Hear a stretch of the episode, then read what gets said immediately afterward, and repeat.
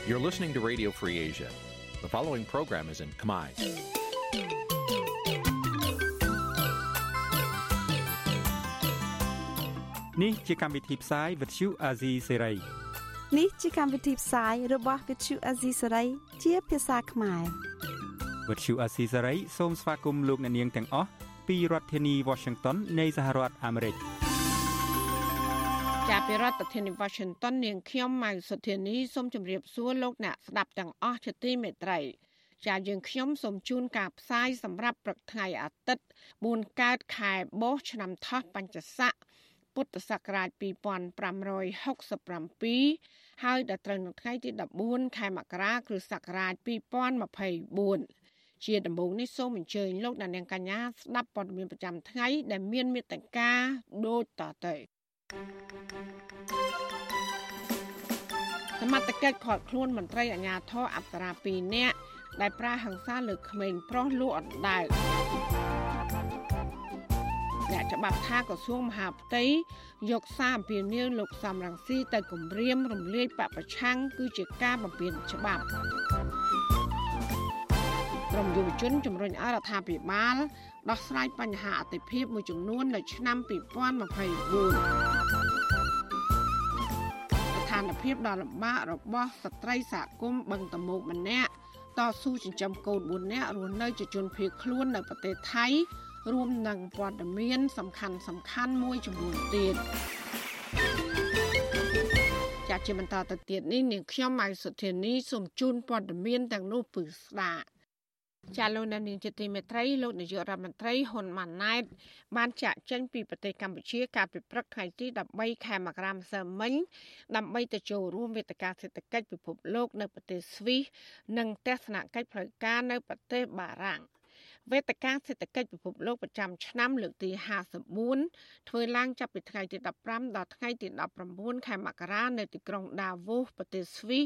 ក្រោមប្រធានបទការកសាងឡើងវិញនៅទំនុកចិត្ត ដោយផ្ដោតជាសំខាន់ទៅលើគោលការណ៍ជាមូលដ្ឋាន ដែលជំរុញឲ្យមានទំនុកចិត្តរួមទាំងដំណាភាពភាពរួមគ្នានិងកណន័យភាពលោកហ៊ុនម៉ាណែតនឹងចូលរួមវេទិកាសេដ្ឋកិច្ចពិភពលោកជាមុនមុននឹងលោកបន្តដំណើរទស្សនកិច្ចផ្លូវការនៅប្រទេសបារាំង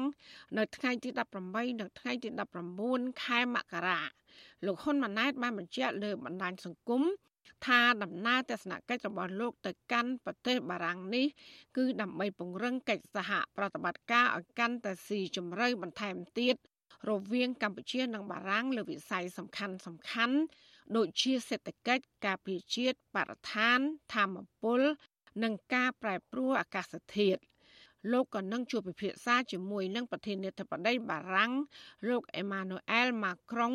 និងថ្នាក់ដឹកនាំជាន់ខ្ពស់មួយចំនួនទៀតនៃប្រទេសបារាំងដំណើរទៅកាន់ប្រទេសបារាំងនេះគឺជាទស្សនកិច្ចផ្លូវការដំបូងបង្អស់របស់លោកហ៊ុនម៉ាណែតទៅកាន់ប្រទេសប្រជាធិបតេយ្យក្នុងនាមជាប្រមុខរដ្ឋាភិបាលកម្ពុជាចាប់តាំងពីលោកបានឡើងកាន់តំណែងបន្តវេនពីឪពុកកលោកហ៊ុនសែនកាលពីខែសីហាឆ្នាំ2023 ក្រុមអ្នកគ្រប់គ្រងគណៈបកកណ្ដាលអំណាចនៃសិទ្ធិជនជាតិខ្មែរមួយចំនួន ដែលកំពុងរស់នៅក្នុងសហភាពអឺរ៉ុបបានចេញសារវីដេអូជាបន្តបន្ទាប់ដើម្បីស្វាគមន៍វត្តមានលោកហ៊ុនម៉ាណែត ដែលទំនងជាការរៀបចំជាប្រព័ន្ធឲ្យធ្វើបែបនេះប៉ុន្តែក្នុងពេលជាមួយគ្នានេះក្រុមប្រឹក្សា23ដុល្លារ1991ដែលជាបណ្ដាញសង្គមស៊ីវិលមានមូលដ្ឋាននៅប្រទេសបារាំងនិងដឹកនាំបាតកម្មប្រឆាំងវត្តមានលោកហ៊ុនម៉ាណែត នៅទីក្រុងប៉ារីសដើម្បីទាមទារឲ្យរដ្ឋាភិបាលរបស់លោកម៉ាក្រុង ជួយអន្តរាគមន៍ដោះស្រាយបញ្ហារំលោភសិទ្ធិមនុស្សនិងលទ្ធិប្រជាធិបតេយ្យនៅកម្ពុជា ចំណែកឯលោកសំរងស៊ីនិងសហការីរបស់លោកមួយចំនួនដែលស្ថិតនៅក្នុងប្រទេសបារាំងស្រាប់នោះវិញ ពួកលោកនឹងមិនដឹកនាំបដកម្មនោះទេ ប៉ុន្តែប្រធានស្ដីទីគណៈបកសង្គ្រោះជាតិរូបនេះបានផ្ញើសារទៅកាន់ប្រធានាធិបតីបារាំងលោកម៉ាក្រុងថាលោកហ៊ុនម៉ាណែត មានចរិតមិនខុសពីឪពុកនោះទេគឺផ្ដាច់ការជិះជាន់អ្នកប្រជាធិបតេយ្យនិងធ្វើបាបប្រជាពលរដ្ឋលោកក៏បានផ្ដាំទៅលោកម៉ាក្រុងកុំឲ្យចាញ់បោកលោកហ៊ុនម៉ាណែតដោយជាការចាញ់បោកលោកហ៊ុនសែនកាលពីឆ្នាំ2022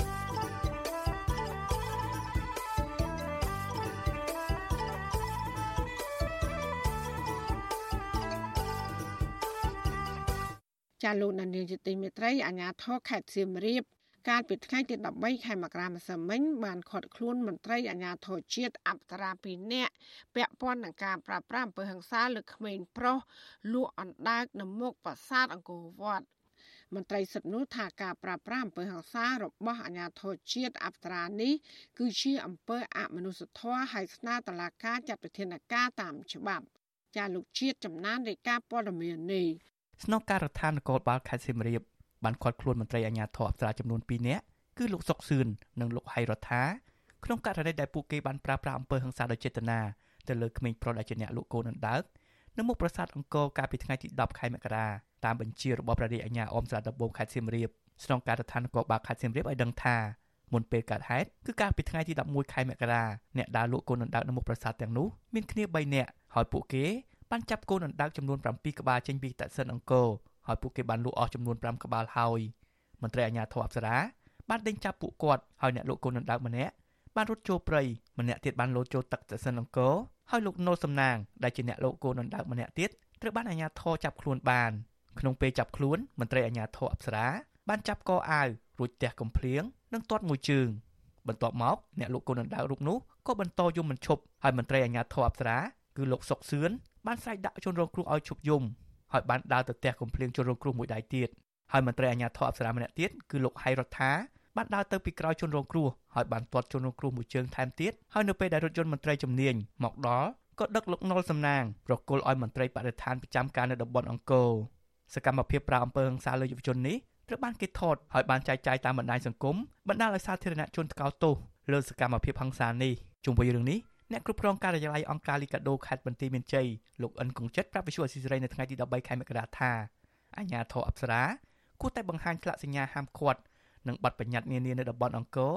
ហើយណែនាំដល់យុវជនទាំងនោះដើម្បីឲ្យពួកគាត់អាចលក់ដូរបានប្រាក់ចិញ្ចឹមជីវិតលោកបន្តថាលោកមិនទទួលយកអំពើខុសខើនិងអមនុស្សធម៌របស់មន្ត្រីអាជ្ញាធរតែប្រើអំពើហិង្សាលើយុវជនដែលជាអ្នកលក់ដូរនៅមុខប្រាសាទអង្គរនោះទេហើយលោកស្នើដល់តុលាការ ពន្យានីតិវិធីច្បាប់ដោយចាត់ប្រកាន់ជនបង្កទាំងនោះឲ្យបានឆាប់មហាជនក្នុងសង្គមគាត់មើលឃើញថាការប្រព្រឹត្តរបស់ក្រមសន្តិសុខស្ដាប់ធ្នាប់របស់អាជ្ញាធរអប្សរានេះជាការប្រព្រឹត្តមួយផ្ដល់គំរូអាក្រក់សម្រាប់អ្នក អនុវត្តច្បាប់ដទៃទៀតអញ្ចឹងដើម្បីកុំឲ្យទង្វើនេះចេះតែមានកើតមានបន្តបន្តទៀតគឺតំណាងអัยការអមសាលាដំបងខេត្តសៀមរាបនិងសមត្ថកិច្ចស្នងការនគរបាលខេត្តសៀមរាបត្រូវតែបញ្ជូនជនប្រព្រឹត្តនេះទៅផ្ដន្ទាទោសតាមច្បាប់ក្រោយពីខាត់ខ្លួនមន្ត្រីអាជ្ញាធរអប្សរាទាំងពីរនាក់នោះស្នងការនគរបាលខេត្តសៀមរាបកាលពីថ្ងៃទី12ខែមករាកន្លងទៅមិនទាន់បញ្ជូនពួកគេទៅកាន់សាលាដំបងខេត្តសៀមរាបនៅឡើយទេវិសុវអស៊ីសេរីមិនអាចតាក់ទងស្នងការនគរបាលខេត្តសៀមរាប លោកតេនច័ន្ទណាត់និងស្នងការរងនៃស្នងការដ្ឋាននគរបាលខេត្តសៀមរាបលោកសឿនសេនដើម្បីអត្ថាធិប្បាយបន្ថែមជុំវិញបញ្ហានេះបានទេនៅថ្ងៃទី13ខែមករាដោយទូរស័ព្ទចូលតែត្រូវចុចបិទខ្ញុំបាទជាចំណាន Visual ស៊ីស្រីប្រធានាទី Washington លោកដានៀងកញ្ញាកំពុងស្ដាប់ការផ្សាយរបស់វិទ្យុអាស៊ីសេរីផ្សាយចេញពីរដ្ឋធានី Washington រដ្ឋាភិបាលកម្ពុជាមិនទាន់អាចរកដំណោះស្រាយប្រសើរជូនដល់ក្រុមអ្នកបើករថយន្តដឹកភ្ញៀវទេសចរនៅខេត្តសៀមរាប ដែលទាមទារកុំឲ្យក្រុមហ៊ុនចិនអង្គរ International Airport Investment មិនយកលុយថ្លៃផ្លូវចិញ្ចោអាកាសយានដ្ឋានអន្តរជាតិសៀមរាបអង្គរថ្មីនោះបាននៅឡើយទេ តើរដ្ឋាភិបាលចាត់វិធានការអ្វីខ្លះដើម្បីដោះស្រាយបញ្ហានេះចាសសេចក្តីរាយការណ៍ពុស្ដាអំពីរឿងនេះលោកណានៀងនឹងបានស្ដាប់នាពេលបន្តិចទៀតនេះចាលោកណានៀងជាទីមេត្រីពាក់ព័ន្ធនឹងការគម្រាមរំលាយគណៈបកប្រឆាំងវិញអ្នកច្បាប់មួយចំនួនលើកឡើងថាក្រសួងមហាផ្ទៃ យកសារអំពាវនាវរបស់លោកសំរងស៊ីទៅគម្រាមរំលាយគណៈបកនយោបាយមិនមែនជាការអនុវត្តច្បាប់នោះទេក៏ប៉ុន្តែជាទង្វើគម្រាមកំហែងដាក់សម្ពាធលើគណៈបកនយោបាយប្រតិកម្មនេះបន្ទាប់ពីក្រសួងមហាផ្ទៃចាត់ទុកការអំពាវនាវរបស់លោកសំរងស៊ីដើម្បីឲ្យគណៈបកចំនួន3 អនុវត្តសកម្មភាពផ្សេងផ្សេងនិងធ្វើតាមបង្គាប់បញ្ជាដែលផ្ទុយពីស្មារតីច្បាប់ និងបំរើផលប្រយោជន៍ខ្លួន ចាលោកច័ន្ទដារ៉ូរីកាព័ត៌មាននេះអ្នកតាមដានស្ថានភាពនយោបាយលើកឡើងថាក្រសួងមហាផ្ទៃមិនអាចយកលិខិតចំហរបស់លោកសំរងស៊ីធ្វើជាផុសតាង ដើម្បីចោទប្រកាន់គំរាមរំលាយគណៈបកណាមួយតាមចិត្តបាននោះទេ លោកលីច័ន្ទរាវុធថ្លែងថាគណៈបកទាំងនោះ មានសិទ្ធិក្នុងការធ្វើសកម្មភាពនយោបាយហើយការសម្ដែងរូបរួមឬមិនរួបរวมគ្នាតាមការអំពាវនាវរបស់លោកសំរងស៊ីនោះក៏ជាសិទ្ធិសម្រេចរបស់ពួកគេដែរប៉ុន្តែលោកយល់ថាកាលដែលក្រសួងមហាផ្ទៃយកមេត្រាមួយចំនួននៃច្បាប់ស្តីពីគណៈបកនយោបាយកាត់ចេញពីការធ្វើវិសោធនកម្មដល់ជំរងចម្រាស់កន្លងទៅមកបង្ហាញហាក់គៀបសង្កត់និងរារាំងអ្នកនយោបាយ ក្នុងជួរគណៈបកប្រឆាំងរួបរวมគ្នា ដោយសាររឿងនេះជាឧបសគ្គសម្រាប់គណៈបកកណ្ដាលអំណាចទៅថ្ងៃខាងមុខយល់ថាការចេញលិខិតជាចំហបែបនេះមិនអាចយកចំពោះទាំងនៅក្នុងការបញ្ជាក់ថាគណៈបកទាំង3ហ្នឹងបានពាក់ព័ន្ធជាមួយនឹងលោកសំរងស៊ីដែលត្រូវបានចាត់ទុកជាតន្ទឹកនឹងដល់ឡើយទេខ្ញុំយល់ថាវាបង្ហាញពីការគំរាមកំហែង ជាប់សង្កត់ទៅលើសិទ្ធិនយោបាយរបស់អ្នកតំណាងរាស្ត្រឬក៏បេក្ខជនតំណាងរាស្ត្រតំណាងរដ្ឋសភានៅក្នុងគណៈបកទាំង3ទៅវិញដោយសារតែការគម្រាមនេះគឺខ្ញុំមើលទៅហាក់បីដូចជាក្នុងគោលបំណងដើម្បីកុំឲ្យគណៈបកទាំង3ហ្នឹងរួមរុំគ្នានៅពេលដែលគណៈបកទាំង3ហ្នឹងមិនរួមរុំគ្នាគឺគណៈបកកម្មាអាចយកឈ្នះបានដោយស្រួលការលើកឡើងរបស់អ្នកច្បាប់ដូចនេះធ្វើឡើងបន្ទាប់ពីក្រសួងមហាផ្ទៃកាលពីថ្ងៃទី12ខែមករាបានចាត់ទុកសាររបស់លោកសំរងស៊ីដែលអំពាវនាវឲ្យគណៈបកចំនួន3 ឲ្យអនុវត្តសកម្មភាពផ្សេងផ្សេងនិងធ្វើតាមបង្គាប់បញ្ជាទុយពីស្មារតីនៃច្បាប់ ដើម្បីផលប្រយោជន៍ខ្លួនក្រសួងមហាផ្ទៃប្រមានដល់គណៈបកនយោបាយចូលរួមការបោះឆ្នោតប្រសិទ្ធិអាណត្តិទី5ឲ្យបញ្ឈប់សកម្មភាព ដែលបំពេញច្បាប់ស្តីពីគណៈបកនយោបាយដែលច្បាប់នេះផ្ដល់សមត្ថកិច្ចដល់ក្រសួងមហាផ្ទៃចាត់វិធានការផ្អាកសកម្មភាពគណៈបកនយោបាយនោះឬប្តឹងទៅតុលាការដើម្បីរំលាយគណៈបកនយោបាយនោះចោល ប្រធានស្ដីទីគណៈបកសង្គ្រោះជាតិលោកសំរងស៊ីបានចេញលិខិតមួយច្បាប់ បង្ហោះនៅលើ Facebook កាលពីថ្ងៃទី11ខែមករា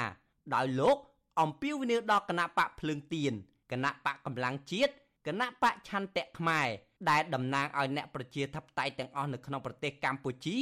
រួបរวมនិងសហការគ្នាកុំឲ្យមានការវាយប្រហារគ្នាទៅវិញទៅមក ហើយត្រូវចេះចែកតួនាទីគ្នា ត្រូវរក្សាភាពស្មោះត្រង់ចំពោះប្រទេសជាតិនិងប្រជាពលរដ្ឋរក្សាឧត្តមគតិដើម ដោយឈរលើសិលធម៌សច្ចធម៌និងយុត្តិធម៌ដើម្បីលើកកម្ពស់លទ្ធិប្រជាធិបតេយ្យនិងទទួលបានជ័យជំនះរួមគណៈបកភ្លើងទៀនគណៈបកកម្លាំងជាតិនិងគណៈបកឆន្ទៈខ្មែរដែលមានមេដឹកនាំកាត់ចេញពីអតីតមន្ត្រីគណៈបកសង្គ្រោះជាតិដែលមេដឹកនាំគណៈបកទាំងនេះភាកច្រើនមាននិន្នាការគោរពស្រឡាញ់លោកសំរងស៊ី ជុំវិញរឿងនេះទីប្រឹក្សាគណៈបកកម្លាំងជាតិលោករងឈុនប្រាប់វិទ្យុអាស៊ីសេរីថាគណៈបកកម្លាំងជាតិធ្វើសកម្មភាពឈើលើគោលការណ៍ប្រជាធិបតេយ្យនិងស្របតាមរដ្ឋធម្មនុញ្ញឆ្ពោះទៅរកការប្រកួតប្រជែងតាមរយៈការបោះឆ្នោតនៅពេលខាងមុខ។លោកយល់ថាការអំពាវនាវរបស់លោកសំរងស៊ីដើម្បីឲ្យអ្នកប្រជាធិបតេយ្យសាមគ្គីភាព និងការពៀផលប្រយោជន៍ជាតិ គឺជាសិទ្ធិសេរីភាពបញ្ចេញមតិឬទស្សនៈដែលក្រសួងមហាផ្ទៃមិនគួរព្រួយបារម្ភរហូតគម្រាមរំលាយគណៈបកប្រឆាំងចោលនោះទេការអំពាវនាវរបស់គាត់គឺគាត់ទៅតែធ្វើការអំពាវនាវពីម្សិលមិញនេះជាសិទ្ធិសេរីភាពរបស់គាត់ហើយបើយើងដាក់សំណួរសួរថាចុងបើសិនជាគាត់អំពាវនាវពាក់ព័ន្ធទៅនឹងគណៈបកប្រជាជនសួរថាក្រសួងហាផ្ទៃគិតបែបម៉េចដែរស្រដៀងគ្នានេះដែរ បេក្ខជនប្រសិទ្ធភាពមកពីគណៈបកឆន្ទៈខ្មែរលោកកឹមសុភិរិទ្ធថ្លែងថាគណៈបកនៅក្នុងសម្ព័ន្ធចំពោះទៅអនាគតបានរួបរวมកម្លាំងអ្នកប្រជាធិបតេយ្យជាបន្តបន្ទាប់លោកយល់ថាក្រសួងមហាផ្ទៃកំពុងយកច្បាប់ស្តីពីគណៈបកនយោបាយមកប្រមាននិងដាក់សម្ពាធផ្នែកនយោបាយអ្នកសម្របសម្រួលផ្នែកអង្គការនៃអង្គការឃ្លាំមើលការបោះឆ្នោតហៅកាត់ថា Confrel លោកកងសវាងមានប្រសាសន៍ថា សហគមន៍ជាតិនិងអន្តរជាតិនៅតែស្នើរដ្ឋាភិបាលកែប្រែច្បាប់ស្តីពីគណៈបកនយោបាយដែលគៀបសង្កត់សិទ្ធិគណៈបកនយោបាយឡើងវិញទោះជាយ៉ាងណា អ្នកជំនាញការបោះឆ្នោតរូបនេះលើកឡើងថាទោះបីច្បាប់នេះបានហាមឃាត់គណៈបកនយោបាយខុបខិតឬពាក់ព័ន្ធជាមួយតនដិតក្តី តែអាញាធរមិនត្រូវទាញភ្ជាប់ឬចោទប្រកាន់ដើម្បីរំលាយគណៈបកនយោបាយណាមួយចោលដោយគ្រាន់តែលោកសំរងស៊ី ថ្លែងសារពីក្រៅប្រទេសដែលជាការអនុវត្តសិទ្ធិសេរីភាពរបស់លោកនោះឡើយសម្រាប់ខ្ញុំវាគ្រាន់តែជាការរំលឹកទេបើសិនជាការអនុវត្ត វាទាល់តែមានការរកឃើញថាគណៈបកនយោបាយហ្នឹងមានការទៅពាក់ព័ន្ធណាទៅជាប់តាក់ទងបើគាត់អ្នកខាងក្រៅគេលើកអានេះវាជារឿងមួយផងអ្នកខាងក្រៅទេមិនអាចទៅហាមឃាត់គ្រប់អ្នកខាងក្រៅបញ្កើតអាហ្នឹងវាជារឿងមួយដែលប៉ះពាល់ហើយបើសិនជាឲ្យតែលើខាងណាលើកហើយយកមកកាត់ទោសយកមកចោតប្រកាន់ដល់គណៈបកនយោបាយអាហ្នឹងជាបញ្ហាមួយធ្ងន់ធ្ងរហើយកាលពីឆ្នាំ2017រដ្ឋាភិបាលលោកហ៊ុនសែនបានកែប្រែច្បាប់ស្ដីពីគណៈបក ដោយហាមឃាត់គណៈបកនយោបាយមិនត្រូវប្រើប្រាស់សារជាសម្លេងឯកសារលីលាក់ជាអក្សរឬសកម្មភាពរបស់តនដិតជាប់ទោស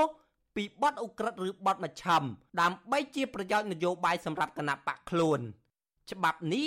កែប្រែឡើងដើម្បីតម្រូវចិត្តអតីតនាយករដ្ឋមន្ត្រីលោកហ៊ុនសែនដើម្បីបិទផ្លូវលោកសំរងស៊ី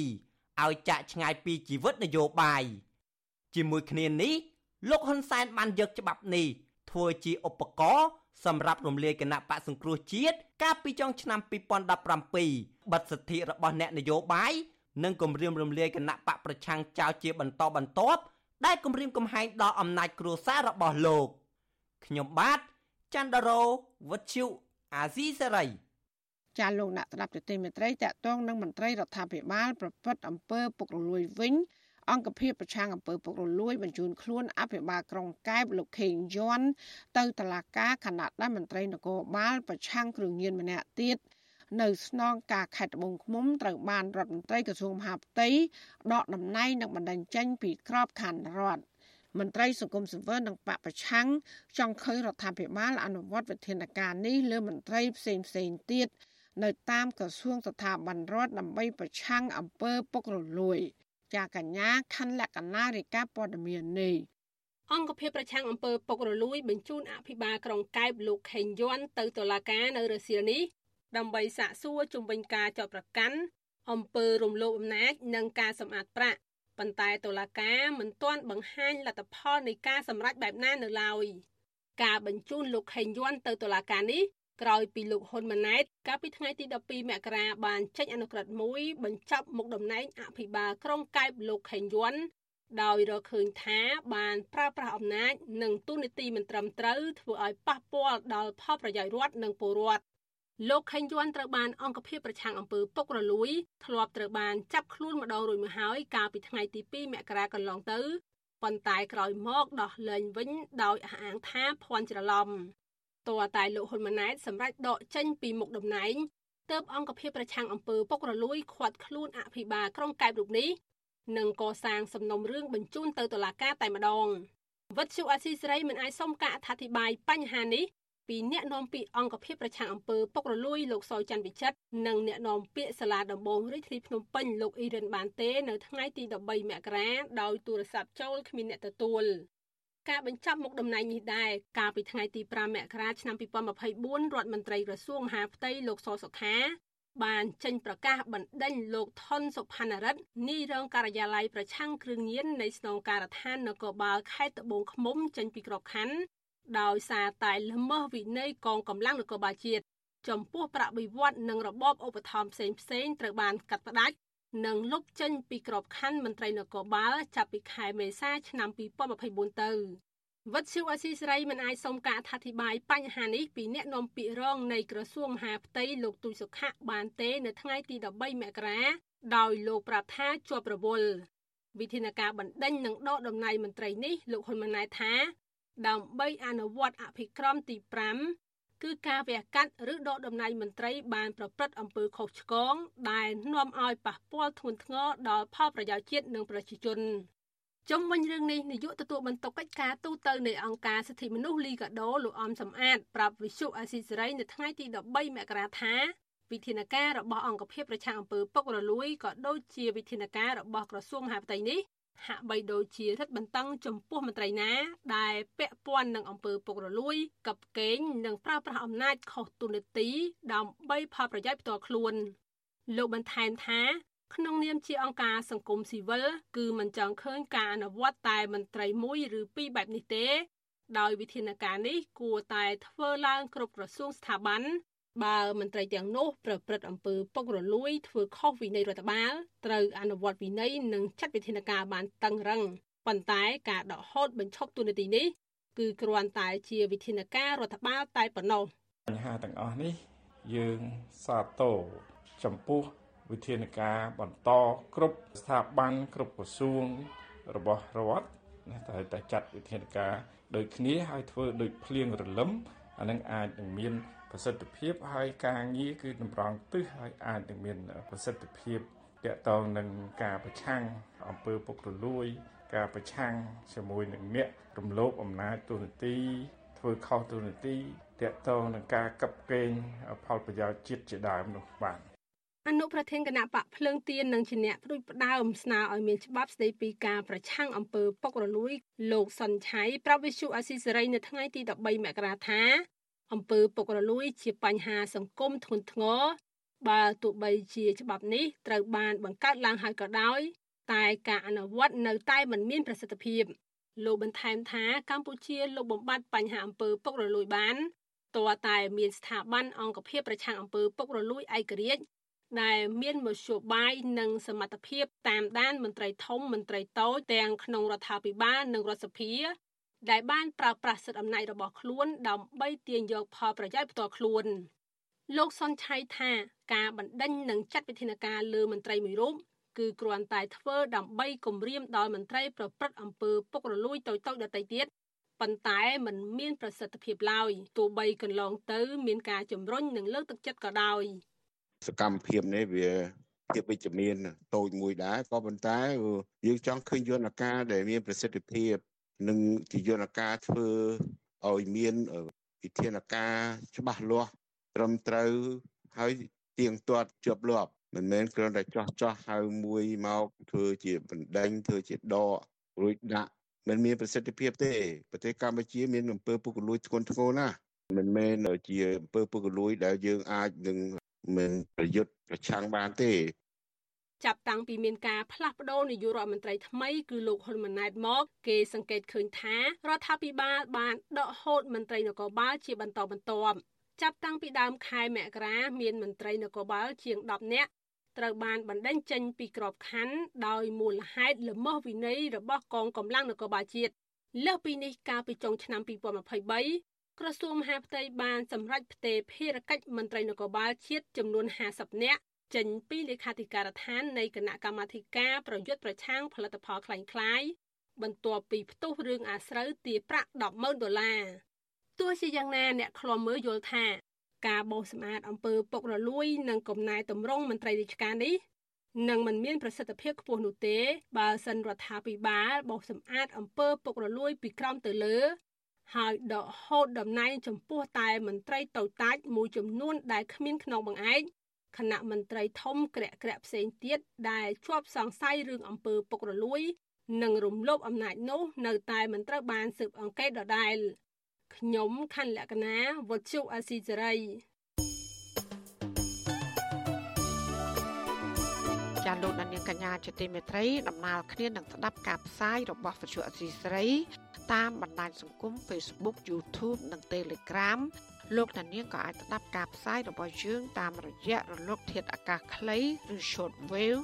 តាមកម្រិតនិងកម្ពស់ដូចតទៅ ចាប់ពីព្រឹកចាប់ពីម៉ោង5កន្លះដល់ម៉ោង6កន្លះតាមរយៈប៉ុស SW 93.90 MHz ស្មើនឹងកម្ពស់ 32m និងប៉ុស SW 11.85 MHz ស្មើនឹងកម្ពស់ 25m ចាសម្រាប់ពេលយប់វិញ គឺចាប់ពីម៉ោង7កន្លះដល់ម៉ោង8កន្លះគឺតាមរយៈប៉ុស SW 93.30 MHz ស្មើនឹងកម្ពស់ 32m ប៉ុស SW 11.88 MHz ស្មើនឹងកម្ពស់ 25m និងប៉ុស SW 15.15 MHz ស្មើនឹងកម្ពស់ 20m ចាសសូមអរគុណ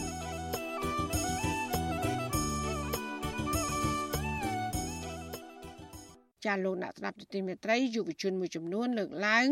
ថាកម្ពុជាមានបញ្ហាចាក់ស្រេះជាច្រើនដែលបន្សល់ទុក ពីរដ្ឋាភិបាលអាណត្តិមុនមុនហើយរដ្ឋាភិបាលថ្មីគួរដោះស្រាយបញ្ចប់ឬក៏ដោះស្រាយឲ្យមានប្រសិទ្ធភាពនៅក្នុងឆ្នាំ2024តើបញ្ហាអ្វីខ្លះដែលយុវជនជំរុញឲ្យរដ្ឋាភិបាលដោះស្រាយចាលោកយ៉ងច័ន្ទតារារាយការណ៍ព័ត៌មាននេះបញ្ហាដែលយុវជនលើកឡើងទាំងនោះមានជាអាច ការដើរថយក្រោយនៃលទ្ធិប្រជាធិបតេយ្យការរំលោភសិទ្ធិមនុស្សបញ្ហាពលករចំណាក់ស្រុក ការបង្កើតការងារគ្រឿងស្រវឹងនិងគ្រោះថ្នាក់ចរាចរណ៍រហូតដល់បញ្ហាកសិកម្មនិងទីផ្សារជាដើមនិស្សិតផ្នែកច្បាប់កញ្ញាហេងគឹមសួរយល់ថាបញ្ហាធំបំផុតដែលរដ្ឋាភិបាលត្រូវដោះស្រាយនោះគឺវិបត្តិសិទ្ធិមនុស្សនិងលទ្ធិប្រជាធិបតេយ្យព្រមទាំងយុត្តិធម៌សង្គម។ ប្រទេសណាក៏ដោយបើមានការគោរពសិទ្ធិមនុស្សប្រទេសនោះនឹងរីកចម្រើនពីព្រោះថាប្រជាជនមានសិទ្ធិសេរីភាពពេញលេញក្នុងការអនុវត្តសិទ្ធិរបស់ខ្លួន នៅពេលដែលធ្វើអ្វីមួយហើយនៅពេលដែលមានការគោរពសិទ្ធិមនុស្សនោះដែរគឺអ្នកមានអំណាចអត់អាចជិះជាន់អ្នកទុនខ្សោយបានទេអញ្ចឹងខ្ញុំគិតថារដ្ឋាភិបាលគួរតែកលែងមើលចំណុចត្រង់ហ្នឹងហើយរកវិធីយ៉ាងណាដើម្បីដោះស្រាយអំពីបញ្ហាសិទ្ធិមនុស្សនិងលទ្ធិប្រជាធិបតេយ្យនេះឲ្យបានយុវជនមួយរូបទៀត លោកកឹមជីលីនសង្កេតឃើញថាទំនាស់ដីធ្លី ជាពិសេសការរំលោភយកដីធ្លីរបស់ប្រជាពលរដ្ឋពីសំណាក់អ្នកមានលុយមានអំណាចនៅតែជាបញ្ហាចោទដែលបណ្ដាលឲ្យពលរដ្ឋមួយចំនួនធ្លាក់ខ្លួនក្រីក្រ និងបាត់បង់លំនៅឋានជាមួយគ្នានេះលោកថាបញ្ហាសវត្ថិភាពចរាចរណ៍ក៏ជារឿងសំខាន់ដែលរដ្ឋាភិបាលត្រូវដោះស្រាយឲ្យមានប្រសិទ្ធភាពដែរពីព្រោះប្រជាពលរដ្ឋរាប់ពាន់នាក់បានបាត់បង់ជីវិតជារៀងរាល់ឆ្នាំដោយសារតែគ្រោះថ្នាក់ចរាចរណ៍នេះ។ ទី1ដែលរដ្ឋាភិបាលគួរដោះស្រាយជាបន្ទាន់ហ្នឹងគឺរឿងទំនាស់ដីធ្លីត្រូវដោះស្រាយហើយផ្ដល់លក្ខខណ្ឌគ្រប់ទៅតាមសិទ្ធិមនុស្សជាពិសេសសិទ្ធិទទួលបានលំនៅឋានហ្នឹងអនុលោមតាមសិទ្ធិហ្នឹងទៅព្រោះអាហ្នឹងវាជាប់ពាក់ព័ន្ធយ៉ាងជិតស្និទ្ធជាមួយនឹងភាពក្រីក្រហើយរឿងទី2ហ្នឹងគឺរឿងតេតិនជាមួយនឹងគ្រឿងសង្វឹងគ្រឿងសង្វឹងនេះភ្ជាប់ពាក់ព័ន្ធជាមួយនឹងអត្រាអ្នកចរាចរណ៍លើដងផ្លូវ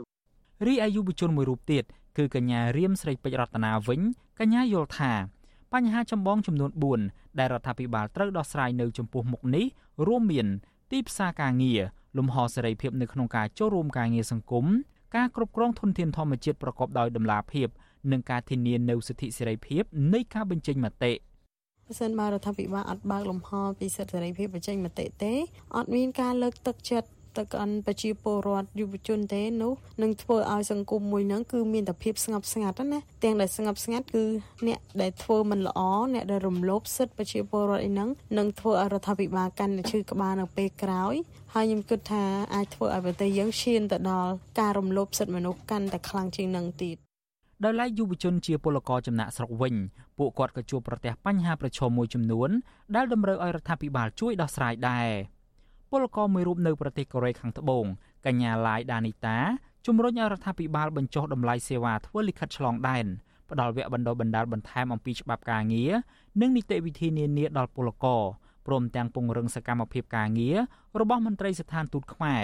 នៅតាមប្រទេសដែលមានពលករខ្មែរកំពុងធ្វើការ។ ពេលដែលកើតមាននៅការរំលោភបំពានឬក៏វិបត្តិផ្សេងផ្សេងខ្ញុំឃើញពលករចំណាក់ស្រុកភាគច្រើនគឺគាត់រត់ទៅរកសេវាឯកជនដែលគាត់ត្រូវចំណាយលុយចាចំណាយថវិកាច្រើនក្នុងការជួលគេដោះស្រាយឲ្យហើយធ្វើឯកសារផ្សេងផ្សេងហ្នឹងក៏រត់ទៅរកសេវាឯកជនដែរអញ្ចឹងវាជាចំណុចមួយដែលជាគុណវិបត្តិដែរចាជាផលវិបាកសម្រាប់ពួកគាត់អញ្ចឹងក្នុងនាមស្ថានទូតខ្មែរដែលគាត់ដាក់ទូតធ្វើការនៅ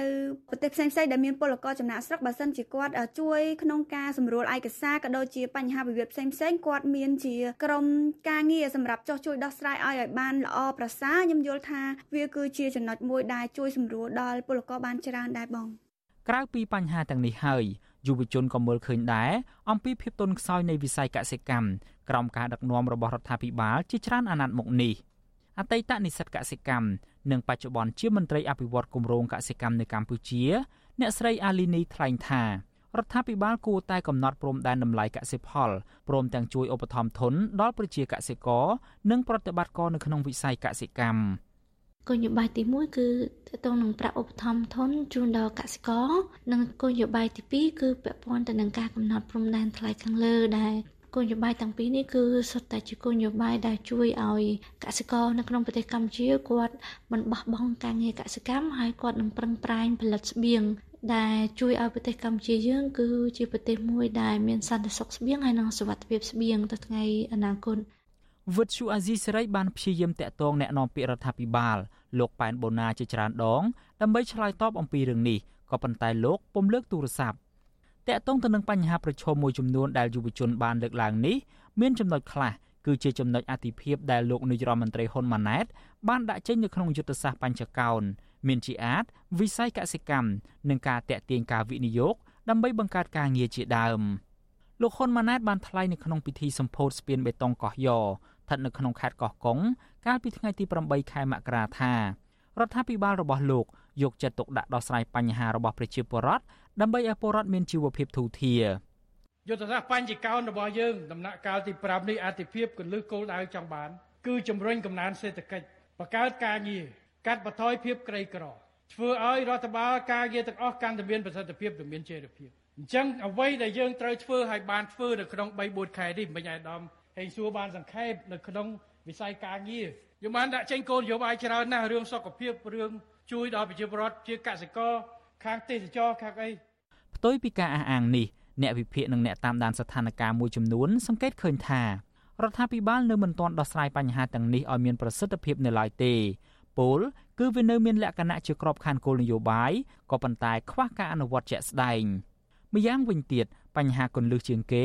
ដូចជាការរំលោភសិទ្ធិមនុស្សនិងការដើរថយក្រោយនៃលទ្ធិប្រជាធិបតេយ្យជាដើមរដ្ឋាភិបាលមិនបានអើពើដោះស្រាយនោះទេប្រការនេះអាចនឹងធ្វើឲ្យកម្ពុជាបាត់បង់អត្ថប្រយោជន៍ផ្នែកសេដ្ឋកិច្ចបន្ថែមទៀតជាពិសេសឋានៈអនុគ្រោះពន្ធពីសហភាពអឺរ៉ុបនិងសហរដ្ឋអាមេរិក ដែលកម្ពុជាបានខាត់បងមួយចំណែកធំរួចទៅហើយដោយសារតែទង្វើរំលោភសិទ្ធិមនុស្សធ្ងន់ធ្ងរជាប្រព័ន្ធរបស់រដ្ឋាភិបាលអាណត្តិមុនដែលដឹកនាំដោយលោកហ៊ុនសែនឪពុករបស់លោកហ៊ុនម៉ាណែតនាយករដ្ឋមន្ត្រីកម្ពុជាបច្ចុប្បន្ននេះខ្ញុំយ៉ងច័ន្ទដារាវិទ្យុអាស៊ីសេរី Washington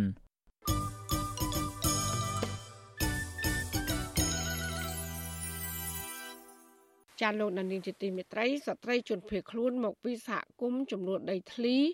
នៅតំបន់បឹងតមោកម្នាក់កំពុងតស៊ូចិញ្ចឹមកូន4នាក់នៅក្នុងទីក្រុងបាងកកនៃប្រទេសថៃក្រោយពីបានគេចចេញពីការធ្វើទុកបុកម្នេញរបស់អាជ្ញាធរក្រុងភ្នំពេញមន្ត្រីសិទ្ធិមនុស្សថានេះគឺជារឿងមិនគួរកាត់ឡើងលើសកម្មជនដីធ្លីដែលគ្រាន់តែប្រឹងប្រែងការពារដីផ្ទះរបស់ខ្លួនប៉ុណ្ណោះ ប៉ុន្តែបែរខ្លាចជាជនភៀសខ្លួនទៅវិញចាសសេចក្តីរាយការណ៍ពីស្ដាមពីរឿងនេះលោកណានៀងនឹងបានស្ដាប់នាពេលបន្តិចទៀតនេះ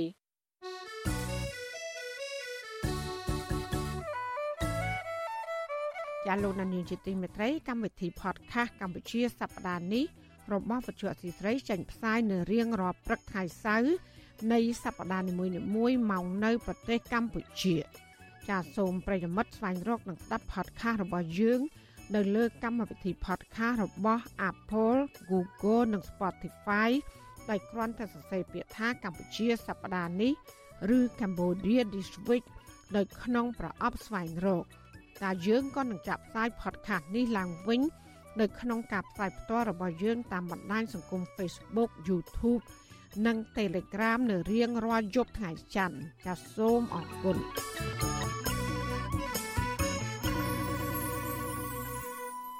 ចាលោកនានីជាទីមេត្រីពាក់ព័ន្ធបញ្ហាខ្វះទឹកវិញកសិករមួយចំនួននៅឃុំរាំងកេសីស្រុកសង្កែខេត្តបាត់ដំបងត្អូញត្អែថាត្រូវរបស់ពួកគាត់កំពុងក្រៀមស្វិតងាប់ជាបន្តបន្ទាប់ពួកគាត់ថាបញ្ហាខ្វះទឹកធ្វើស្រែបានកើនឡើងសឹងតែរាល់ឆ្នាំ ហើយដែលវិបត្តិមួយនេះមិនមែនបណ្ដាលមកពីគ្រោះធម្មជាតិទាំងស្រុងក៏ប៉ុន្តែមកពីកង្វះបច្ចេកទេស និងការទទួលខុសត្រូវរបស់អាជ្ញាធរចាលោកយុនសមៀនរាយការណ៍ព័ត៌មាននេះ3ខែបន្ទាប់ពីរងគ្រោះដោយសារទឹកជំនន់ពេលនេះតំបន់វាលស្រែមួយចំនួននៅក្នុងឃុំរាំងកេសីស្រុកសង្កែបានប្រែក្លាយជាវារាំងស្ងួត ប្រឡាយខ្លះរិញដីបែកក្រហែងនិងមានត្រី ក្តាមខ្យងងាប់ពីពេញ ចំណែកនៅតាមវាលស្រែមួយចំនួនកសិករខ្លះបូមទឹកដែលនៅសេសសល់តាមថ្លុកតូចតូចទៅដាក់ស្រែកសិករនៅភូមិរាំងក្រោលឃុំរាំងកេសីលោកភិរិទ្ធីប្រាប់ថាស្រូវរបស់កសិករមួយចំនួនកំពុងងាប់បណ្ដើបណ្ដើហើយខណៈស្រូវមួយចំនួនទៀតបានស្កកទាំងដែលចិត្តប្រមូលផលទៅហើយនោះ លោកថានៅដើមរដូវប្រាំងឆ្នាំនេះមិនទាន់មានភ្លៀងកក់ខែនៅឡើយដោយកសិករពឹងផ្អែកទៅលើទឹក ដែលបង្ហូរមកពីស្រុកគោះក្រឡហើយប្រសិនបើទឹកហូរមិនទាន់ឬត្រូវកសិករនៅផ្នែកខាងលើដណ្ដើមបូមមុនអស់នោះស្រូវរបស់ពួកគាត់នឹងត្រូវងាប់ទាំងស្រុងប្រជាជនយើងស្នើទៅបានទៅក៏មកទៅបលអ្នកលើគេឲ្យមកដែរណាតើអ្នកលើគេគ្រប់ដែរបានយើងបានដែរណាដល់ពេលយើងជួបរបស់យើងធ្វើអញ្ចឹងត្រូវការវគ្គ2ខ្វះទឹកវាជួបបញ្ហាភ័យព្រួយបារម្ភរឿងស្រូវស្កកហ្នឹង ព្រព្រោះទឹកវាអត់ឲ្យគ្រប់គ្រាន់ណាស្រូវយើងត្រូវ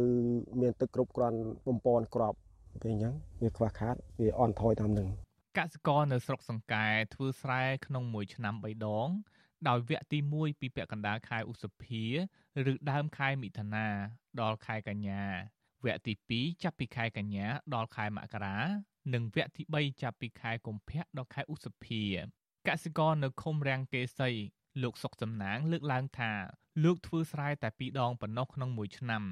លោកបញ្ជាក់ថាការបង្កបង្កើនផលវគ្គទី1មិនសូវជួបបញ្ហាប្រឈមនោះទេ ដោយសារកសិករព្រោះស្រូវរងចាំទឹកភ្លៀងក៏ប៉ុន្តែចំពោះការបង្កបង្កើនផលវគ្គ2វិញ ច្រើនតែជួបបញ្ហាទឹកលិច ឬខ្វះទឹកដូចពេលនេះចំណែកវគ្គទី3កសិករភ ieck ច្រើន មិនហ៊ានធ្វើបង្កបង្កើនផលនោះទេព្រោះគ្មានទឹក ដោយពឹងផ្អែកទៅលើភ្លៀងកក់ខែវគ្គ2តាមតាណាប្រុសមុនចេញមុនណាប្រុសក្រោយចេញក្រោយនោះលោមានខ្លះច្រូតខ្លះក៏ទៅផើមហើយមកខាងក្រោមខ្ញុំបន្តិចចោលរាប់រាប់អូនោះទៅបានផើមអញ្ចឹងទៅហើយខ្លះគ្នាក៏មិនទាន់បានផើមហើយវាដាច់ទឹកនេះបើបានតែគេជួយមកមហឺទៅលេងអីឃុំរាំងកេសីមានចម្ងាយតែជាង20គីឡូម៉ែត្រប៉ុណ្ណោះពីទំនប់ស្ទាក់ទឹកកង្ហកស្ថិតនៅឃុំកន្ទើ2នៅស្រុកបាណន់ ប៉ុន្តែដោយសារប្រឡាយមេដែលតភ្ជាប់ពីទំនប់កង្ហកទៅកាន់ឃុំមួយនេះត្រូវឆ្លងកាត់ស្រុកកោះកឡដែលមានតម្រូវការទឹកធ្វើស្រែដែរនោះជាហេតុធ្វើឲ្យកសិករមួយចំនួននៅស្រុកមោងរស័យនិងស្រុកសង្កែជាពិសេសឃុំរាំងកេសីខ្វះទឹកធ្វើស្រែទោះបីជាយ៉ាងណាកសិករមួយចំនួននៅឃុំរាំងកេសីអះអាងថាបញ្ហាខ្វះទឹកនេះកើតឡើងស្ទើររាល់ឆ្នាំទោះបីប្រជាកសិករប្រមូលផ្ដុំគ្នាតវ៉ាជាច្រើនលើកក៏ដោយ កសិករនៅឃុំរាំងកេសីម្នាក់ទៀតគឺលោកស្រីសឿនសុភា ដែលកំពុងប្រមូលផ្ដុំគ្នាដើម្បីឡើងទៅតវ៉ាឲ្យអាជ្ញាធរបើកទឹក លើកឡើងថាអាជ្ញាធរហាក់មានភាពលំអៀងនិងខ្វះបច្ចេកទេសក្នុងការបែងចែកនិងគ្រប់គ្រងទឹកសម្រាប់កសិករនៅឃុំរាំងកេសីគេថាដល់ពេលគ្នាត្រូវប្រុសប្រុសបានតែ10ថ្ងៃអីចឹងទឹកលិចអស់លួយអស់អស់ពូជលីង រត់តរជឿបលពូជគេមកធ្វើទៀតធ្វើទៀតចឹងមកគេបើកទឹកមកសាទៀតមកលិចអស់ទៀតហើយឆ្លៀងពីលើមកទៀតហ៎តែប្រុសក្រោយដល់ពេលស្រកទឹកអស់ចឹងទៅយើងនាំគ្នារត់ទៅជឿពូជគេមកសាទៀតណាយកគេពូជគេខ្លះ2លានជាង3លានចឹងពូជយកមកប្រុសដើម្បីថាចង់បានស្រង់ដើមណាដល់ឡូវប្រុសបានហើយបែរជីវាអត់ទឹកវិទ្យុអាស៊ីសេរីមិនទាន់អាចតាក់ទងប្រធានមន្ទីរធនធានទឹកនិងអូតូនិយមខេត្តបាត់ដំបងលោកឡុងផកគុណ និងអភិបាលស្រុកសង្កែលោកនាងច័ន្ទថារាដើម្បីសុំការបកស្រាយជុំវិញរឿងនេះបានទេកាលពីថ្ងៃទី13មករារបាយការណ៍មន្ទីរធនធានទឹកនិងអូតូនិយមខេត្តបាត់ដំបងបង្ហាញថាផ្ទៃដីដែលកសិករអនុវត្តការបង្កបង្កើនផលស្រូវនៅរដូវប្រាំងមានការលើសកំណត់ដោយសរុបមានចំនួនជាង50000ហិកតាឬស្មើនឹង253%នៃផែនការចំនួន20000ហិកតា អ្នកគ្រប់គ្រងប្រចាំការិយាល័យអង្គការលីកាដូខេត្តបន្ទាយមានជ័យនិងបាត់ដំបង លោកអិនគង្គចិត្តជំរុញឲ្យអាជ្ញាធរពាក់ព័ន្ធបង្កើតគណៈកម្មការចុះសិក្សាដោយកំណត់ចំនួនកសិករដែលធ្វើស្រែរដូវប្រាំងដើម្បីរកមធ្យោបាយផ្គត់ផ្គង់ទឹកឲ្យដល់ពួកគាត់ឲ្យបានគ្រប់គ្រាន់លោកក៏សម្គាល់ឃើញថាសន្តានដីនៅភូមិសាស្ត្រឃុំរាំងកេសីមានលក្ខណៈខ្ពស់ជាងតំបន់មួយចំនួន នៅស្រុកកោះកឡដូច្នេះលោកយល់ថាអាជ្ញាធរគួរសាងសង់ទ្វារស្ទាក់ទឹកនៅប្រឡាយឃុំរាំងកេសីបន្ថែមទៀតដើម្បីការពារទឹកកុំឲ្យហូរទៅតំបន់ទាប ទាំងអស់ហ្នឹងវាជាមូលហេតុដែលបណ្ដាលមកពីកំសោយនៃការគ្រប់គ្រងនៃគោលនយោបាយផ្គត់ផ្គង់ទឹករបស់អាជ្ញាធរនិងរបស់មន្ទីរជំនាញធនធានទឹកយើងមើលថាប្រជាពលរដ្ឋមិនមានលោភលន់ចង់មានបាននៅតាមរដូវកាលទេដោយគាត់ពិនិត្យមើលស្ថានភាពការផ្គត់ផ្គង់ទឹកនិងអំណោយផលពីធម្មជាតិបញ្ហាខ្វះទឹកធ្វើស្រែនេះមិនមែនមានតែនៅស្រុកសង្កែខេត្តបាត់ដំបងប៉ុណ្ណោះទេដោយឡែកនៅស្រុកថ្មគូល អាជ្ញាធរបានចេញសេចក្តីប្រកាសកាលពីថ្ងៃទី10មករាហាមឃាត់ការបង្កបង្កើនផលស្រូវសម្រាប់រដូវប្រាំងឆ្នាំ2024ដោយអាជ្ញាធរអះអាងថាកម្រិតទឹកនៅក្នុងអាងស្តុកទឹកកំពីងពួយ ឬស្ទឹងបវលមានកម្រិតទាបនិងមិនអនុញ្ញាតឲ្យកសិករបូមទឹកពីបឹងអភិរក្សឡើយចំណែកនៅខេត្តពោធិ៍សាត់វិញរដ្ឋបាលខេត្តនេះ ក៏បានចេញសេចក្តីណែនាំឲ្យកសិករទាំងអស់ផ្អាកការបង្កបង្កើនផលស្រូវជាលើកទី2នៅឆ្នាំ2024ដោយខ្វះទឹកប្រើប្រាស់ទន្ទឹមគ្នានេះមន្ទីរធនធានទឹកខេត្តកំពង់ឆ្នាំងក៏បានជូនដំណឹងឲ្យកសិករទាំងអស់ផ្អាកការធ្វើស្រែរដូវប្រាំងនៅឆ្នាំនេះផងដែរខ្ញុំយុនសាមៀនវិទ្យុអាស៊ីសេរីប្រធានាធិបតី Washington ចាលោកនានីជាទីមេត្រីស្ត្រីជនភៀសខ្លួនមកពីសហគមន៍ចំនួនដីធ្លី នៅតំបន់តមោកម្នាក់កំពុងតស៊ូចិញ្ចឹមកូន4នាក់នៅក្នុងទីក្រុងបាងកកប្រទេសថៃក្រោយពីបានកិច្ចចេញពីការធ្វើទុកបុកម្នេញរបស់សំណាក់អាជ្ញាធរក្រុងភ្នំពេញ។ មន្ត្រីសិទ្ធិមនុស្សថានេះគឺជារឿងមិនគួរកើតឡើងលើសកម្មជនដីធ្លី ដែលគ្រាន់តែប្រឹងប្រែងការពារដីផ្ទះរបស់ខ្លួន បែរជាខ្លាចជាជនភៀសខ្លួនទៅវិញចាលោកសេបណ្ឌិត មានសេចក្តីរាយការណ៍ពឹស្ដារជំវិញស្ថានភាពដ៏លំបាករបស់ស្ត្រីសកម្មជនដីធ្លីរូបនេះដូចតទៅពីប្រធានសហគមន៍ដីធ្លីតំបន់បឹងតមោកខ្លាចជាជនភៀសខ្លួនរស់នៅខុសច្បាប់ក្នុងប្រទេសថៃលោកស្រីប្រាក់សុភា ត្រូវប្រឹងប្រែងរស់នៅដោយចិញ្ចឹមកូន4នាក់ក្នុងបន្ទុកទាំងខ្លួនគ្មានការងារធ្វើលោកស្រីប្រាក់សុភា បានបង្ខំចិត្តចាក់ចេញពីប្រទេសកម្ពុជា កាលពីខែសីហាឆ្នាំ2023ដោយលួចចូលទឹកដីថៃទាំងខុសច្បាប់កិច្ចពីការតាមចាប់ខ្លួនរបស់សមត្ថកិច្ចក្រុងភ្នំពេញប្រធានសហគមន៍ភូមិសំរោងខាងត្បូងនៃតំបន់បឹងតមោករូបនេះត្រូវបានអាជ្ញាធរខណ្ឌព្រែកភ្នៅប្តឹងពីបទហិង្សា មានស្ថានទម្ងន់ទោស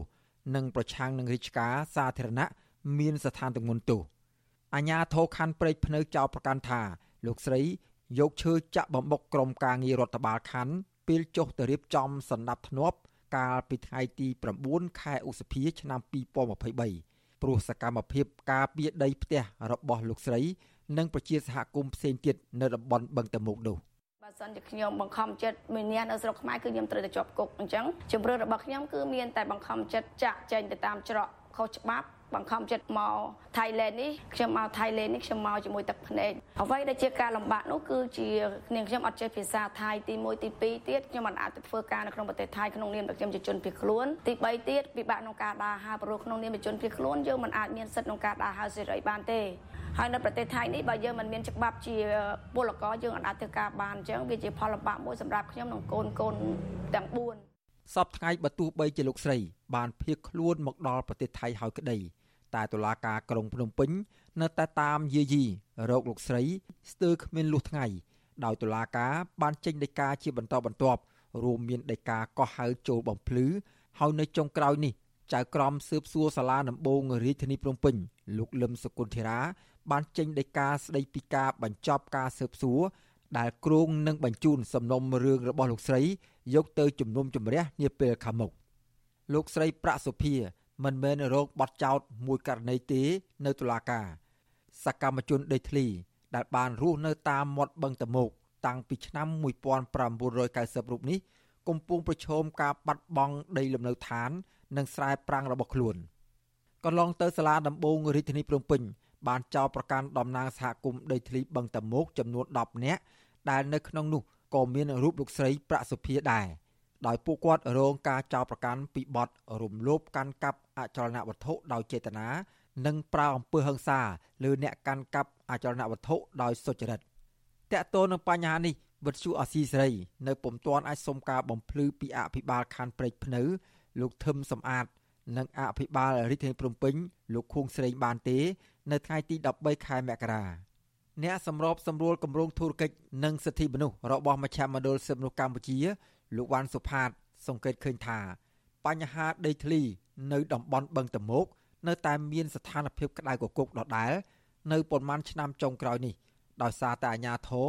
នៅតែព្យាយាមបណ្ដេញពលរដ្ឋចេញពីលំនៅឋាន ចំណែកតំណាងសហគមន៍ជាច្រើនអ្នក កំពុងរងការចោទប្រកាន់តាមផ្លូវតុលាការ។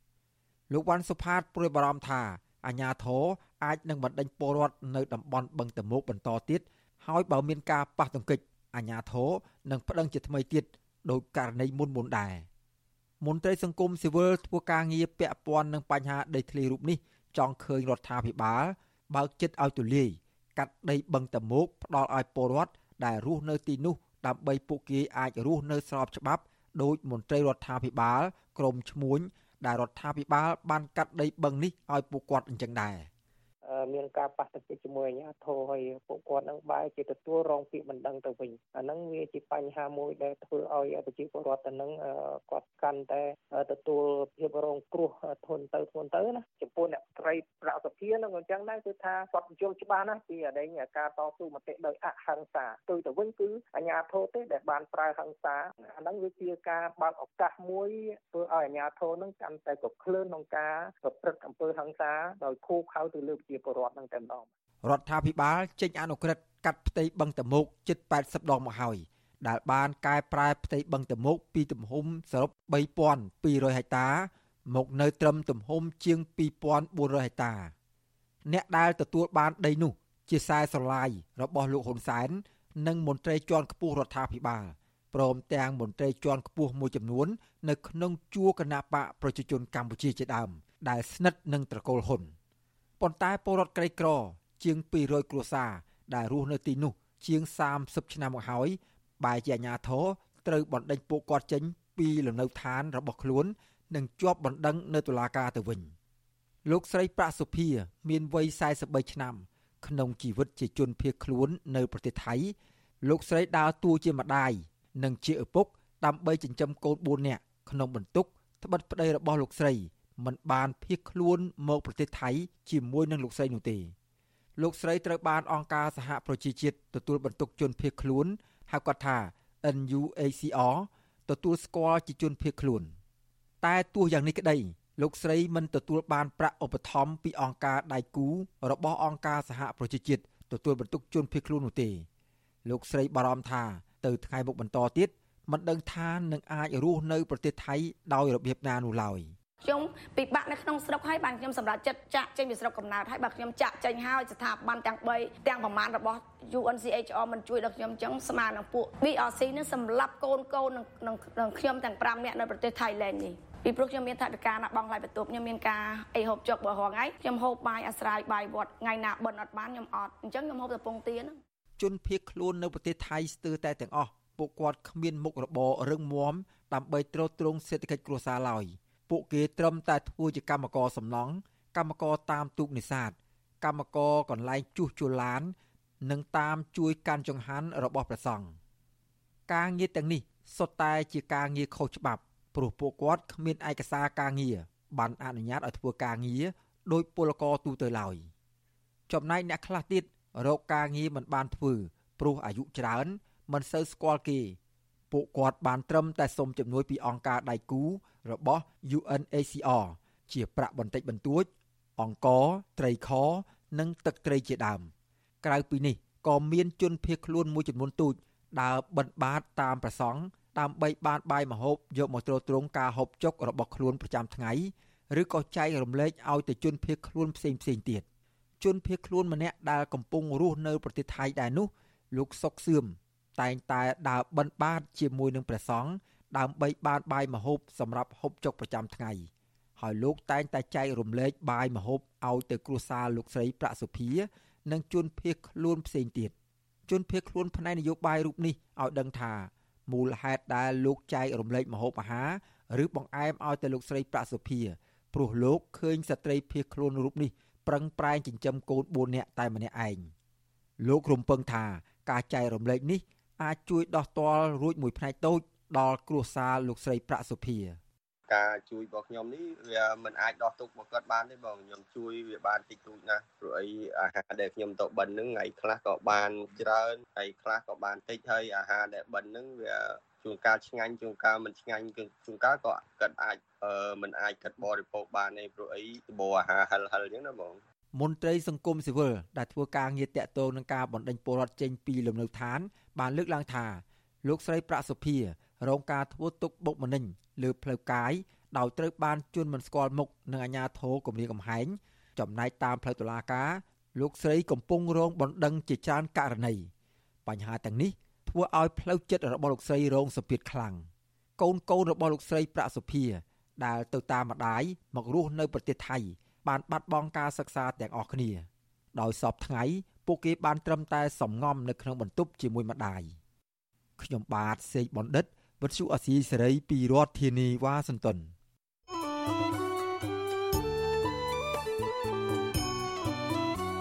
លោកដានៀងជាទីមេត្រីក្នុងឱកាសនេះដែរនាងខ្ញុំសូមថ្លែងអំណរគុណចំពោះលោកដានៀងកញ្ញាដែលតែងតែមានភក្ដីភាពចំពោះការផ្សាយរបស់យើងហើយចាត់ទុកការស្ដាប់របស់វិទ្យុអសីសេរីគឺជាផ្នែកមួយនៃសកម្មភាពប្រចាំថ្ងៃរបស់លោកអ្នកការគ្រប់គ្រងរបស់លោកដានៀងនេះហើយ ដែលធ្វើឲ្យយើងខ្ញុំមានទឹកចិត្តកាន់តែខ្លាំងថែមទៀតក្នុងការស្វែងរកនិងផ្តល់ព័ត៌មានជូនដល់លោកអ្នកនាងចាំមានអ្នកស្ដាប់អ្នកទស្សនាកាន់តែច្រើនកាន់តែធ្វើយើងខ្ញុំមានភាពស្វាហាប់និងមោះមុតជាបន្តទៀតចាយើងខ្ញុំសូមអរគុណទុកជាមុន ហើយក៏សូមអញ្ជើញលោកអ្នកនាងកញ្ញាចូលរួមជំរុញឲ្យសកម្មភាពផ្ដល់ព័ត៌មានរបស់យើងនេះ កាន់តែជោគជ័យបន្ថែមទៀត។ ចាលោកនាងកញ្ញាឲ្យជួយយើងខ្ញុំបានដោយគ្រាន់តែចុចចែករំលែកឬ share ការផ្សាយរបស់យើង នៅលើបណ្ដាញសង្គម Facebook និង YouTube ទៅកាន់មិត្តភ័ក្តិរបស់លោកអ្នកដើម្បីឲ្យការផ្សាយរបស់យើងនេះ បានទៅដល់មនុស្សកាន់តែច្រើនចាសសូមអរគុណ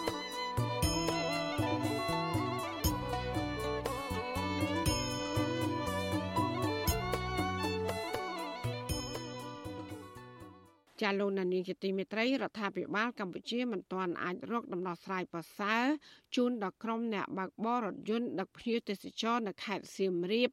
ដែលទាមទារកុំឲ្យក្រុមហ៊ុនចិន Angkor International Airport Investment យកលុយថ្លៃផ្លូវចេញចូលអាកាសយានអន្តរជាតិសៀមរាបអង្គរថ្មី បាននៅឡើយទេ ចារដ្ឋាភិបាលបានបង្កើតគណៈកម្មការចំពោះកិច្ចជាបន្ទាន់មួយ កាលពីថ្ងៃទី11ខែមករាដើម្បីស្វែងរកដំណោះស្រាយបញ្ហានេះក៏ប៉ុន្តែក្រុមហ៊ុនចិន បានត្រឹមតែយល់ព្រមមិនយកថ្លៃចំណតពីរថយន្តធុនតូច ដែលចូលទៅចតក្នុងពលានយន្តហោះក្រោមរយៈពេល15នាទីនិងរថយន្តប្រភេទផ្សេងទៀតដែលចូលទៅចតក្រោមរយៈពេល30នាទីប៉ុណ្ណោះ ចាសសូមស្ដាប់សេចក្តីរាយការណ៍ពិស្ដាររបស់លោកថាថៃជំវិញបញ្ហានេះអ្នកបើករថយន្តនិងអ្នករត់រមាក់ដឹកភ្ញៀវទេសចរជាច្រើនអ្នកនៅខេត្តសៀមរាបមិនពេញចិត្តចំពោះដំណោះស្រាយរបស់រដ្ឋាភិបាលនិងក្រុមហ៊ុនចិនដែលនៅតែតម្រូវឲ្យពួកគាត់បង់ប្រាក់ថ្លៃចេញចូលអាកាសយានដ្ឋានអន្តរជាតិសៀមរាបអង្គរថ្មីនោះទេបើទោះបីជាក្រុមហ៊ុនចិនបានព្រមព្រៀងជាមួយគណៈកម្មការចំពោះកិច្ចថាសុកចិត្តបញ្ចុះតម្លៃឲ្យនៅទាបជាងមុនក្នុងរយៈពេល2ឆ្នាំទៅមុខទៀតក៏ដោយ អ្នកបើករថយន្តទេសចរធុនតូចម្នាក់លោកដុកវ៉ាន់អូនមានប្រសាសន៍ថាពួកលោកនៅតែទាមទារឲ្យរដ្ឋាភិបាលលុបចោលការយកប្រាក់ថ្លៃចេញចូលនៅប្រលានយន្តហោះថ្មីនេះជាស្ថាពរ ខ្ញុំអត់ពេញចិត្តបងមកតម្លៃនៅថ្លៃបងហើយចង់ឲ្យអត់យកតែម្ដងបងឲ្យយកតម្លៃតែ packing អញ្ចឹងណាបងព្រោះតម្លៃដឹកយើងបានថោកបងដល់ពេលយើងកាត់ទៅនេះកាត់ទៅនោះទៅវាអស់ហ្នឹងបងអត់ទៅណេញព្រោះខ្ញុំហើយនឹងក្រុមអ្នករត់ផ្សេងទៀតគឺមិនពេញចិត្តបងចង់ឲ្យលុបតែម្ដងបងបើលុបយើងបានចំណេញអាលុយដែល packing តម្លៃ4ដុល្លារហ្នឹងហើយបើអត់លុបទេយើងខាត់បងអាហ្នឹងបងព្រោះយើងចំណេញបានតិចតួចអញ្ចឹងណា អ្នកបើកបររថយន្តដឹកភ្ញៀវទេសចរម្នាក់ទៀតដែលសូមមិនបញ្ចេញឈ្មោះយល់ឃើញប្រហាក់ប្រហែលគ្នាថាអ្វីត្បិតតែក្រុមហ៊ុនចិន បានកែប្រែខ្លះខ្លះគឺគ្រប់រថយន្តធុនតូចអាចចតនៅក្នុងប្រលានយន្តហោះរយៈពេលក្រោម15នាទីនិងរថយន្តប្រភេទផ្សេងទៀតអាចចតរយៈពេលក្រោម30នាទីមិនគិតថ្លៃក៏ដោយក៏ប៉ុន្តែដំណោះស្រាយរបស់គណៈកម្មការចំពោះកិច្ចនៃរដ្ឋាភិបាលដែលព្រមព្រៀងជាមួយក្រុមហ៊ុនចិននេះគឺពិបាកទទួលយកណាស់ បរិះដដែលបញ្ជាក់ថាការពិត គឺពួកគាត់នៅតែបង់លុយថ្លៃចំណតដដែលពីព្រោះតែការទៅទទួលភ្ញៀវចុះពីយន្តហោះម្ដងម្ដងត្រូវរងចាំរយៈពេលចាប់ពី1ម៉ោងទៅ2ម៉ោងហើយបើក្រុមហ៊ុននៅតែតម្រូវឲ្យបង់ថ្លៃចេញចូលប្រលានដោយគ្រាន់តែបញ្ចុះតម្លៃតិចតួចនោះគឺវាមិនមានអ្វីប្រសើរជាងមុននោះទេ ចំពោះពួកខ្ញុំរស់ស៊ីតាមអែតតាមក្រែតជើងយើងបាន19000ហ្នឹងបងហើយយើងចំណាយលើផ្លូវលើចំណតវាអស់ច្រើនលើមិនសុទ្ធយើងវាសល់តិចមែនទេហើយថ្ងៃខ្លះទៅយើងបានពីទីក្រុងទៅកាន់ពលានយើងត្រូវចាំនៅពលាន1ម៉ោង2ម៉ោងតែនេះទៀតពួកគេម៉ោង3ម៉ោងហើយត្រូវយើងនៅយូរអស់លុយកាន់តែច្រើនមកពេលខ្លះទៅមកវិញទៅទេចំពោះសុំក្តីទៅគិតថារដ្ឋាភិបាលមិនគួរយកលុយទៅបងផ្លូវផ្លូវនោះ23គីឡូម៉ែត្រជាងថ្លៃផ្លូវនៅតែថ្លៃដើមហើយថ្លៃផ្លូវហ្នឹងឆ្នាំ2026ហ្នឹងឡើងតែហ្នឹងបើតែថ្លៃចំណតពួកខ្ញុំពេញចិត្តនឹងបងកាលពីសប្តាហ៍មុនរដ្ឋាភិបាលបានបង្កើតគណៈកម្មការចំពោះកិច្ចជាបន្ទាន់មួយដែលមានឧបនាយករដ្ឋមន្ត្រីនិងជាអនុប្រធានទី1នៃក្រមប្រឹក្សាអភិវឌ្ឍកម្ពុជាលោកសុនច័ន្ទថុលធ្វើជាប្រធានដឹកនាំក្រុមការងារចោះដោះស្រាយតម្លៃសេវាប្រើប្រាស់ផ្លូវចូលចេញអាកាសយានដ្ឋានអន្តរជាតិសៀមរាបអង្គរថ្មីបន្ទាប់ពីក្រុមអ្នកបើកបររថយន្តដឹកភ្ញៀវទេសចរប្រមាណ100នាក់បានប្រមូលផ្ដុំគ្នានៅសាលាខេត្តសៀមរាប ដើម្បីតវ៉ារឿងការតម្រូវឲ្យបង់ប្រាក់ថ្លៃផ្លូវចេញចូលប្រលានយន្តហោះថ្មីនោះកាលពីថ្ងៃទី11ខែមករាទីស្តីការគណៈរដ្ឋមន្ត្រីបានចេញសេចក្តីប្រកាសព័ត៌មានអំពីដំណោះស្រាយនេះថាក្រុមហ៊ុនចិនបានយល់ព្រមឲ្យគ្រប់រថយន្តធុនតូចអាចចតនៅក្នុងព្រលានយន្តហោះរយៈពេលក្រោម15នាទីនិងរថយន្តប្រភេទផ្សេងទៀតអាចចតរយៈពេលក្រោម30នាទីមិនគិតថ្លៃចំណែកឯការបង់ថ្លៃផ្លូវចេញចូលព្រលានយន្តហោះវិញក្រុមហ៊ុនចិនមិនអាចលុបចោលបានទេ គឺត្រឹមតែបញ្ចុះតម្លៃឲ្យទាបជាងមុនប៉ុណ្ណោះកាលពីដើមខែមករាតារាងយកថ្លៃផ្លូវបានតម្រូវឲ្យរថយន្តធុនតូចនិងរថយន្តដឹកទំនិញទម្ងន់2តោនត្រូវបង់ថ្លៃចំនួន12000រៀលរថយន្តទេសចរធុនមធ្យមចំនួន19កៅអីនិងរថយន្តដឹកទំនិញទម្ងន់2.5តោនត្រូវបង់ថ្លៃចំនួន24000រៀលរថយន្តទេសចរធុនធំ ចាប់ពី20ទៅ50កៅអីនិងរថយន្តដឹកទំនិញទម្ងន់5តោនត្រូវបង់ថ្លៃផ្លូវជាង36000រៀលក៏ប៉ុន្តែកាលពីថ្ងៃទី11ខែមករាក្រុមហ៊ុនចិនបានកែប្រែដោយបញ្ចុះតម្លៃថ្មី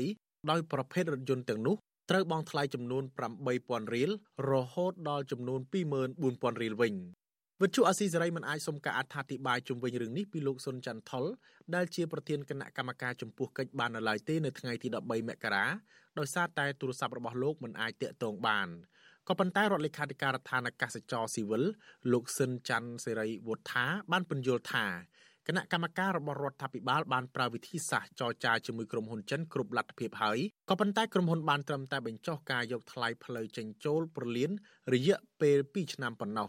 លោកស៊ិនច័ន្ទសេរីវុធាមានប្រសាសន៍ទៀតថានៅ2ឆ្នាំខាងមុខទៀតគឺអាចនឹងមានការជជែកគ្នាជាថ្មី ជំវិញការបញ្ចុះតម្លៃថ្លៃផ្លូវចេញចូលប្រលានយន្តហោះថ្មីនេះម្ដងទៀតក៏ប៉ុន្តែបើចង់ឲ្យលុបចោលមិនយកថ្លៃផ្លូវចេញចូលប្រលានយន្តហោះនោះតែម្ដងគឺមិនអាចធ្វើបានទេ ដោយលោកអះអាងថានៅប្រទេសជាច្រើនក្នុងពិភពលោកក៏មានការតម្រូវឲ្យបង់ថ្លៃដូចគ្នានេះដែរយើងគិតថានេះជាការវិនិយោគក្នុងភាពជាដៃគូរវាងរដ្ឋមន្ត្រីជនក្រុមហ៊ុនឯកជនមិនចំណាយលុយជាច្រើនដល់10,000លានដុល្លារនេះដើម្បីទៅការវិនិយោគនឹងហើយក្នុងច្បាប់ទីកម្ពុជាក៏បានអនុញ្ញាតថារាល់ការវិនិយោគទាំងឡាយត្រូវមានប្រាក់ចំណេញដល់ក្រុមហ៊ុនដែរមិនមែនគេវិនិយោគទៅគេខាតរហូតទេបាទអញ្ចឹងប្រាក់ចំណេញមួយសមស្របនេះគឺរដ្ឋាភិបាលបានអនុញ្ញាតឲ្យគាត់ទទួលយកដែរអញ្ចឹងក៏ត្រូវតែមានការយកតម្លៃចឹងហើយបាទនៅប្រទេសណាក៏អត់មាន free ដែរនាយករដ្ឋបាលសាលាខេត្តសៀមរាបលោកលីវណ្ណៈឲ្យដឹងថាសាលាខេត្តបានចែកដំណោះស្រាយជុំវិញការបញ្ចុះតម្លៃផ្លូវចេញចូលប្រលានយន្តហោះថ្មីនេះទៅឲ្យក្រុមអ្នកបើកបររថយន្តដឹកភ្ញៀវទេសចររួចរាល់អស់ហើយ